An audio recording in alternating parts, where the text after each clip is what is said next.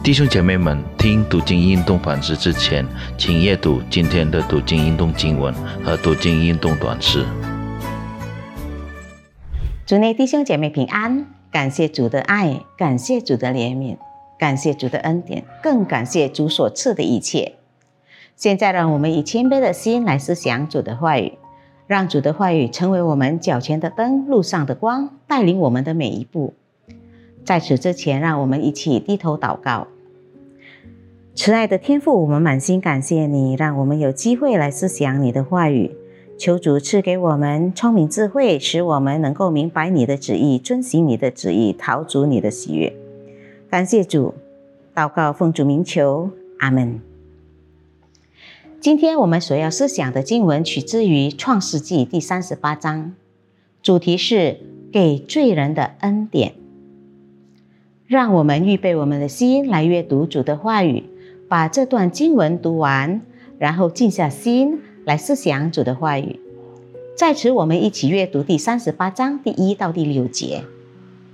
那时，犹大离开他弟兄下去，到一个亚杜兰人名叫希拉的家里去。犹大在那里看见一个迦南人，名叫苏亚的女儿。就娶她为妻，与她同房。她就怀孕，生了儿子。犹大给他起名叫尔。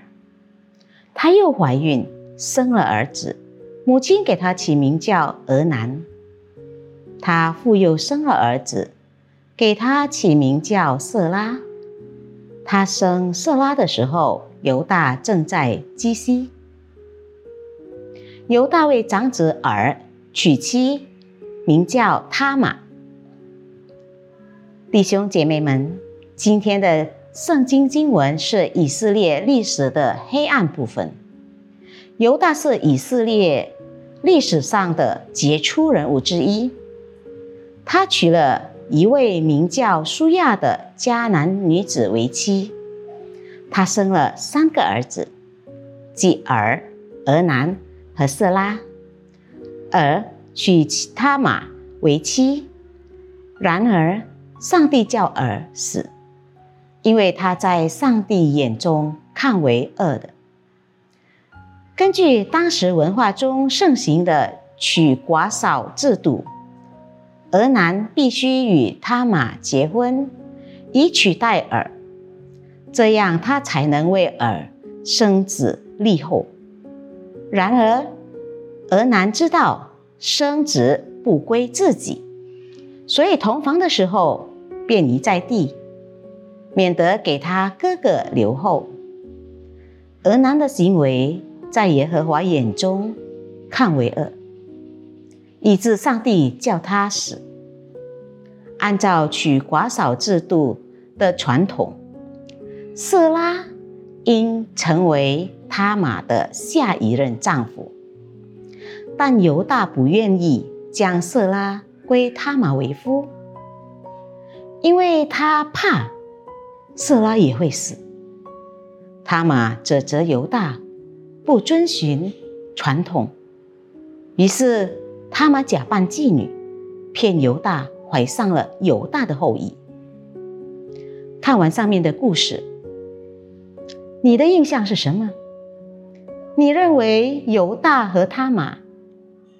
是两个值得上帝愤怒的混蛋吗？是的，他们受到上帝的惩罚，是理所当然的。然而，实际上他们就蒙了上帝的恩典，进入主耶稣的族谱。也许他们会感到惊讶，请记住，大卫、所罗门和犹大王国中其他。列在主耶稣家谱中的国王，都是犹大和他玛的后裔。犹大和他玛是一对蒙上帝恩典的罪人，反映出救主耶稣基督不仅是那些生活看似美好的人的救主，也是那些陷入可恶罪恶中的人的救主。主耶稣降世拯救罪人，将愿意悔改信主的罪人改变成新造的人，不再继续活在罪中，而是不断更新，成为新造的人。你是否认为自己是一个罪人，配得上帝的愤怒？你愿意相信并接受主耶稣基督为你的救主吗？你有没有经历过生命的改变，并在？耶稣基督里成为一个新人，请记住，耶稣基督来到这个世界，是为了寻找并拯救像你我这样的罪人。我们一起低头祷告，亲爱的主耶稣，我们满心感谢你，感谢你所赐给我们的一切，更感谢主为我们舍命，拯救我们这些罪人。主啊，我们以一颗谦卑的心，求主怜悯我们，使我们在主里成为新人。因你应许我们，若在若有人在基督里，他就是新造的人，旧事已过，都变成新的了。我们的心充满了感恩，也求主帮助我们，使我们将你的救恩传开。叫更多的人能够认识主，接受主耶稣成为他们的救主。感谢主，祷告奉主耶稣圣名祈求，阿门。祝内弟兄姐妹再见，愿主耶稣的爱与平安喜乐常与我们同在，阿门。